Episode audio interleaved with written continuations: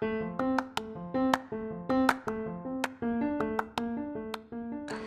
selamat malam. Ketemu di Rival Podcast malam hari ini. Dan ini edisi 7. Hari ini saya pengen ngobrol tentang Big Data.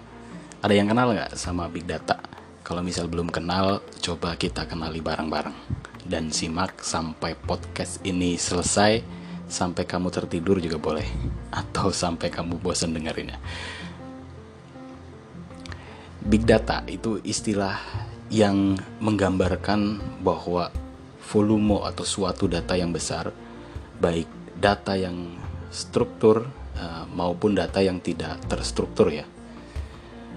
Big data itu uh, telah digunakan dalam banyak bisnis tentunya. Tidak hanya besar data menjadi poin yang utama tetapi juga apa yang harus dilakukan organisasi dengan data ini nih, data data yang didapatkan ini. Big data itu dapat dianalisis untuk wawasan yang mengarah pada pengembali, apa pengembalian keputusan dan juga strategi uh, bisnis yang nantinya akan lebih baik gitu. Dan ngomong-ngomong sebelum kita ngobrol yang lebih jauh lagi sejarah big big data tersebut juga ini seperti ini. Jadi istilah big, uh, big data atau data besar gitu ya itu masih terbilang baru lah ya nggak nggak terlalu lama-lama banget dan juga jarang disebut ya kan nah uh, big data adalah sejarahnya itu adalah pengumpulan dan juga penyimpanan informasi yang memang berskala besar untuk analisis. Seperti contohnya uh, fenomena big data yang pada waktu itu kalau nggak salah sekitar tahun 2000-an uh, eh, ini sudah sudah mulai ke konsep-konsep big data ya. Dan big data yang terdiri dari tiga bagian pentingnya itu adalah uh, seperti uh, volume. Contohnya volume. Organisasi juga biasanya mengumpulkan data yang berbagai dari berbagai sumber gitu kan. Termasuk transaksi bisnis terus juga media sosial uh, informasi dari sensor atau juga mesin-mesin begitu.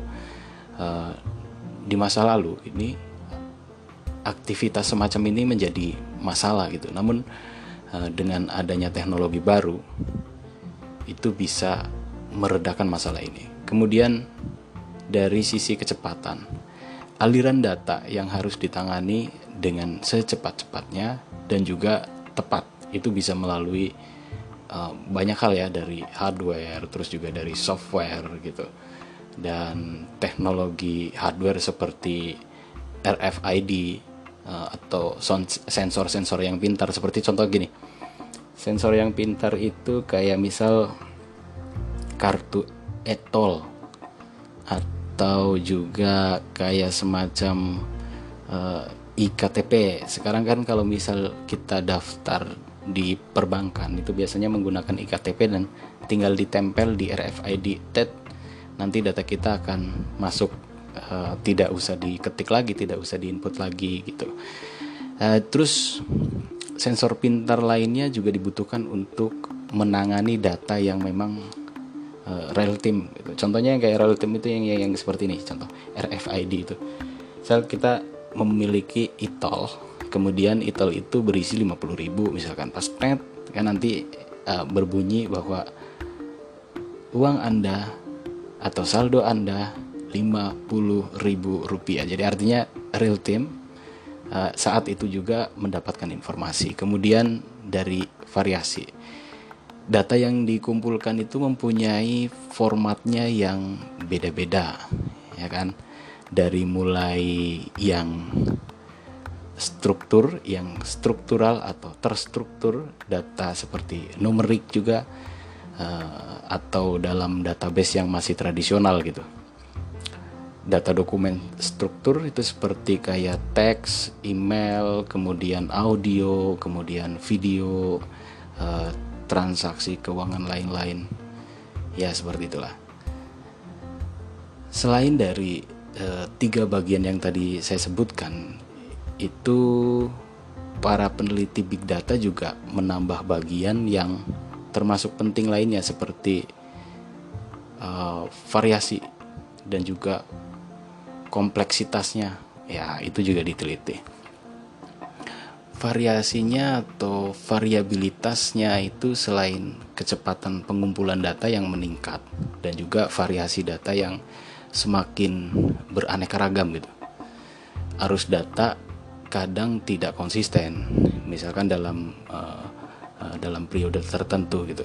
Salah satu contohnya seperti yang sedang tren di media sosial ini adalah periode seperti harian musiman itu uh, dipicu seperti kayak peristiwa gitu contohnya uh, jam jam jam segini itu biasanya uh, pencinta media sosial itu sedang uh, sukanya apa, memposting apa gitu. Contohnya di Facebook misalkan, oh lagi rame tentang isu ini viral dan lain sebagainya itu biasanya aktivitasnya di jam berapa? Misalkan uh, pagi, siang atau apa itu termasuk nanti masuk ke big data ini gitu.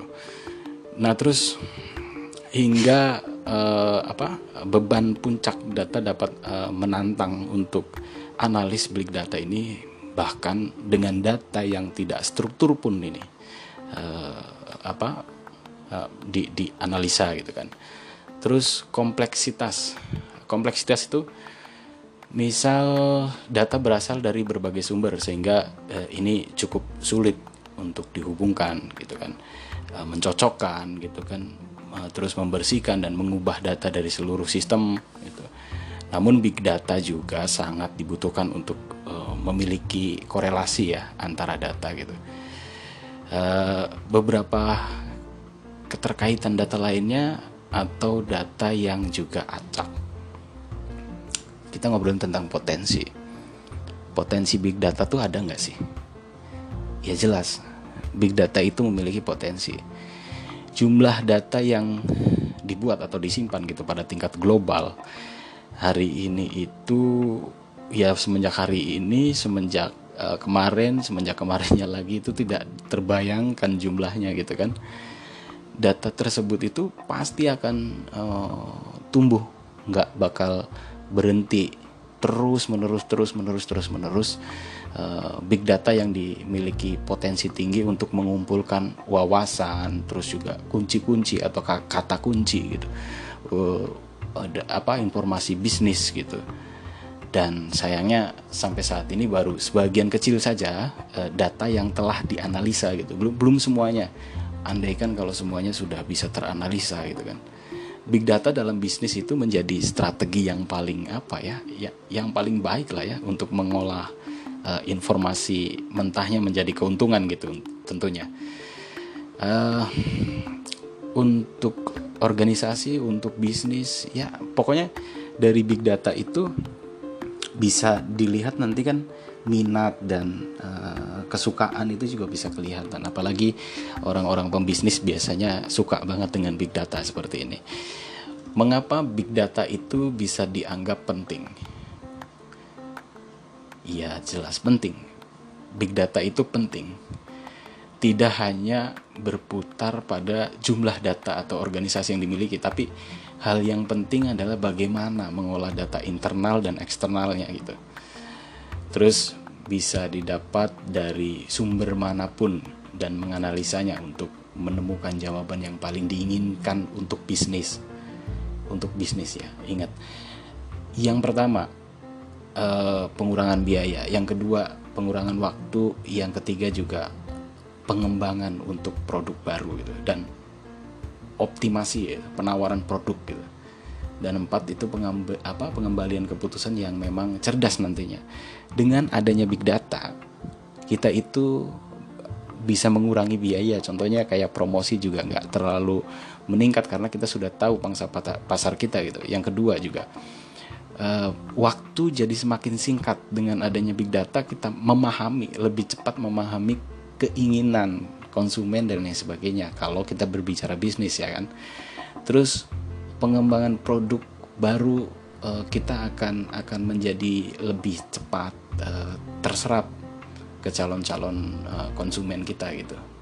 Ya tentunya uh, apa didapat dari informasi dari big data tersebut gitu.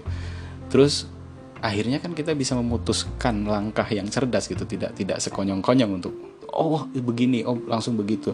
Enggak kan karena ada big data jadi kita ada literasi ada ada uh, apa patokan gitu kan. Akhirnya keputusannya bagus gitu. Ketika organisasi mampu uh, menggabungkan jumlah data besar yang dimiliki ini dan analisa yang memang punya keahlian tinggi atau tenaga yang tinggi gitu uh, dapat menyelesaikan tugas-tugas yang berhubungan dengan bisnis. Misalkan seperti menentukan penyebab kegagalan setiap masalah bisnis gitu. Menghasilkan informasi mengenai titik penting penjualan berdasarkan uh, kebiasaan pelanggan dalam misalkan beli produk. Eh, misal uh, kamu itu berjualan online kamu juga bisa bisa artinya melihat artinya uh, apa ya uh, uh, bisa bisa mencoba menganalisa nah, itu kan sebenarnya data-data kecil gitu kan. Kayak contoh oh uh, minatnya orang-orang ketika saya uh, jam buka uh, jualan online saya itu jam segini biasanya banyak orang yang melihat itu juga termasuk kategori masuk ke big data tadi. Cuman ya itu cuman dari skala kecilnya saja ya seperti itu gitu terus menghitung kembali seluruh resiko yang ada di dalam waktu yang singkat gitu. Mendeteksi perilaku uh, penipuan yang tidak ber, apa uh, mempengaruhi organisasi. Dan sekilas big data itu kayak kayak gambaran yang oh gede banget ya. Memang dari nama saja sudah sudah menggambarkan ini adalah data yang besar gitu kan big data itu dibutuhin sama siapa sih? Sebenarnya big data itu kayak contoh gini aja lah kita ngobrolin tentang uh, masalah di Facebook lah ya salah di Facebook itu. Facebook kemudian AdSense kemudian uh, entar uh, apa jangan AdSense-nya ya tapi di YouTube misalkan. Contoh gini kita di Facebook aja dulu. Facebook itu bisa mengambil informasi, bisa melihat, menganalisa kesukaan orang, umur dan lain sebagainya tercatat dengan baik.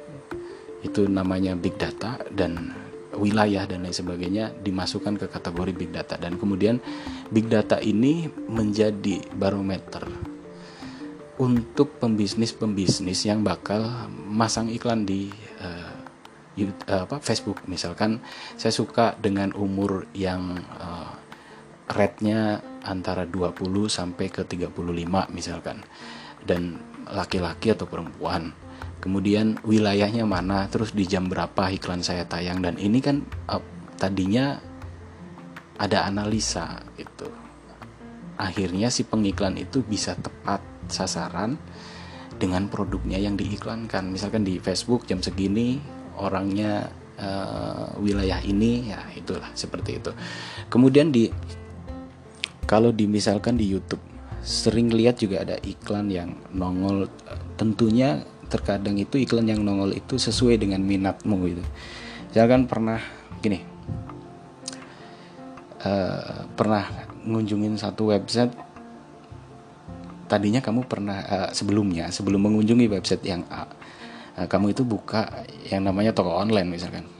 Buka toko online lihat-lihat produk gitu nah, kemudian di close lah toko online tersebut. Nah akhirnya kamu membuka uh, salah satu web atau blog yang menampilkan iklan dari AdSense misalkan atau YouTube gitu.